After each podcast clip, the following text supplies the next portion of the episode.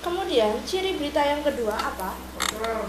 ah Faktual. iya faktual itu berarti bagaimana Informasi benar-benar terjadi dan dapat ditelusuri kebenarannya. Iya, informasinya harus benar-benar terjadi dan dapat ditelusuri kebenarannya. Jadi dia itu bersifat fakta, bersifat kenyataan.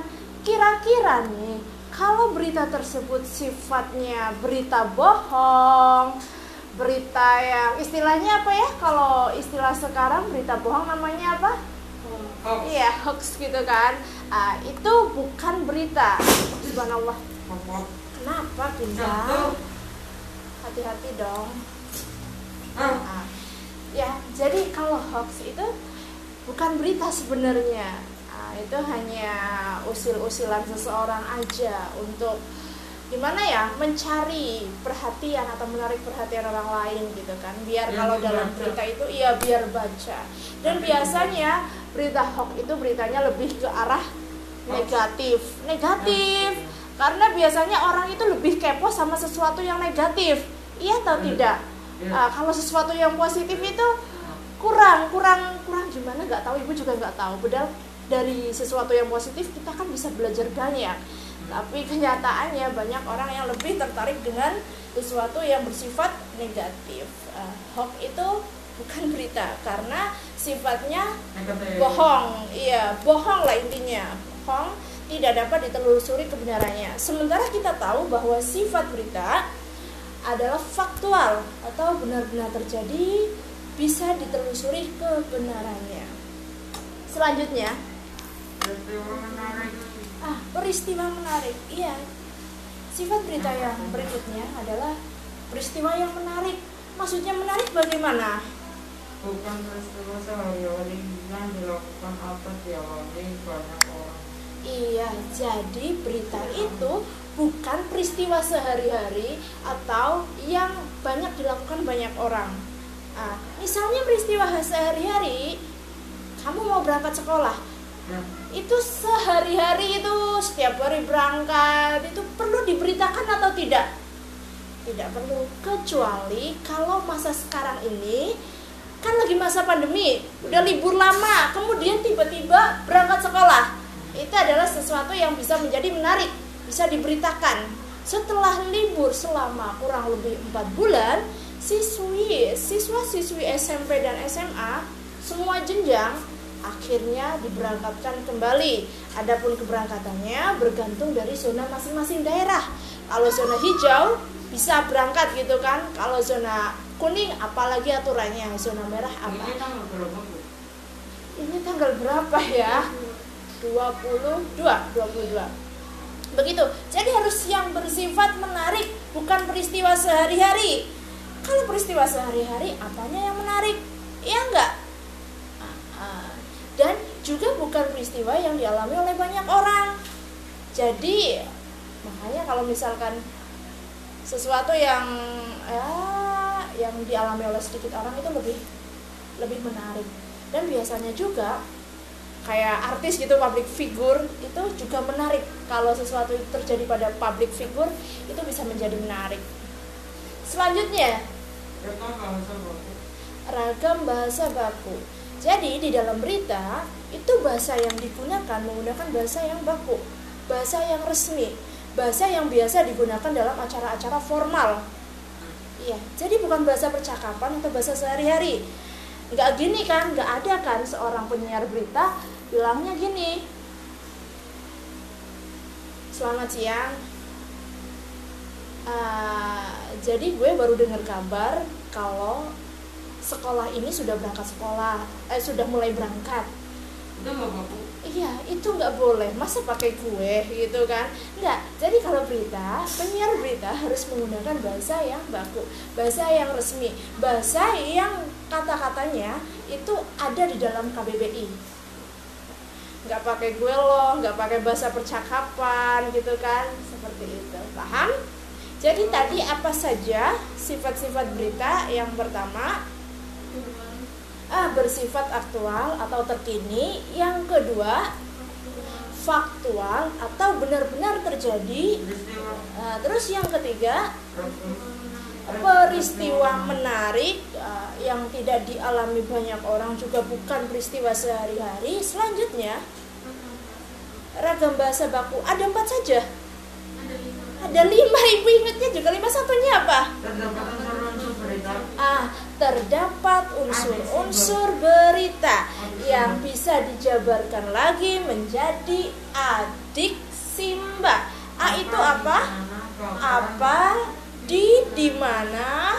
Terus kapan? Terus Siapa? Mengapa dan bagaimana? Jadi di dalam berita itu ada unsur-unsur tersebut. Karena berita tersebut kan sifatnya menyampaikan informasi. Nah, informasi apa sih? Ya bisa digali secara detail melalui adik Simba tersebut. A itu apa? Berarti menanyakan apa? Kalau apa? Menanyakan hal Eh, Menanyakan hal apa peristiwa yang terjadi di jalan tersebut ketika pagi hari gitu kan misalnya ada kecelakaan gitu terus kedua menanyakan tempat di di mana menanyakan tempat iya di mana menanyakan tempat? Contohnya coba buat kecelakaan. Kecelakaan bagaimana? Ah di mana kecelaka- kecelakaan tersebut terjadi? Kemudian apalagi di mana? Coba buat kalimat tanya yang ada kata di mana.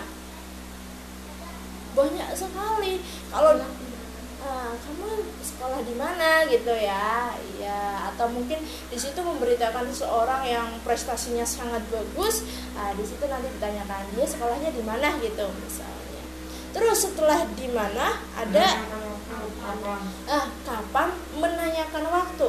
Berarti kalau ada kalimat tanya yang ada kata kapan maka jawabannya waktu waktu itu apa saja? Ah,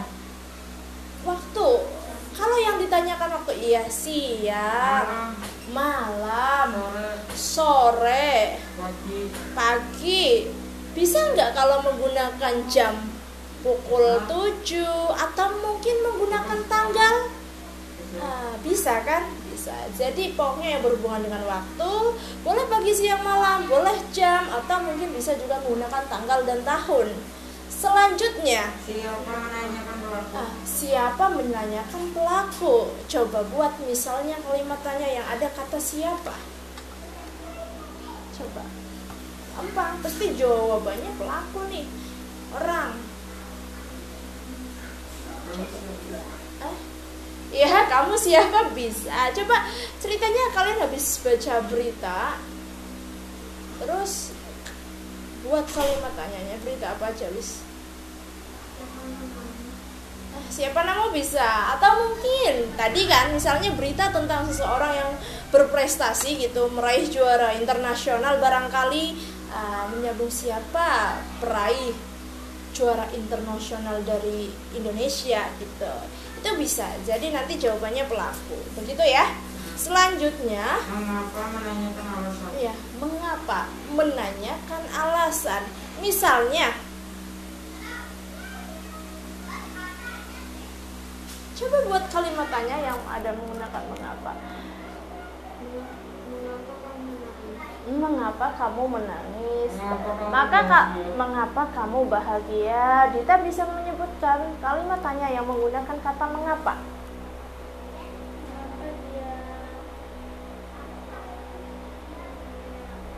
Kenapa coba deh maaf ibu. Mungkin karena tertutup masker jadi ibu kurang mendengar. Mengapa dia apa? Ah mengapa dia menyenangkan? Maka kata mengapa jawabannya apa? Karena. Karena menanyakan alasan mengapa kamu menangis? Karena Mengapa tadi?